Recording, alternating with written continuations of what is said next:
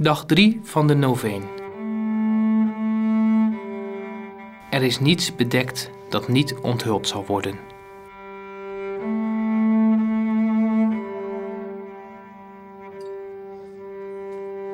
Al jaren verschijnen er rapporten waarin gemeld wordt dat kerkfunctionarissen hun positie misbruiken. Het lijkt erop dat er krachten aanwezig zijn die in het geheim willen werken. Deze krachten komen niet van God, die zijn kinderen het licht van de wereld noemt.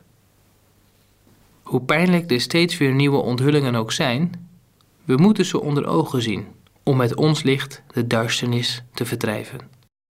Al zouden we het graag ontkennen, dit misbruik is werkelijk, binnen en buiten de kerk.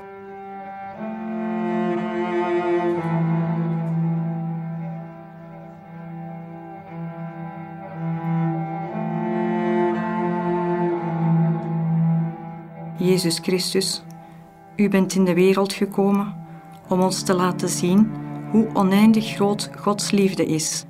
U bent gekomen om te helen wat gewond is, op het gevaar af zelf gewond te raken en te sterven. Ik zou willen dat die akelige dingen niet bestonden. Maar kennelijk is de wereld niet zoals ik me heb voorgesteld, en de kerk dus ook niet. In dit opzicht is het absoluut beter dat wat tot nu toe verzwegen is, in de openbaarheid wordt gebracht. Geef mij de kracht de werkelijkheid onder ogen te zien, zonder eraan ten onder te gaan.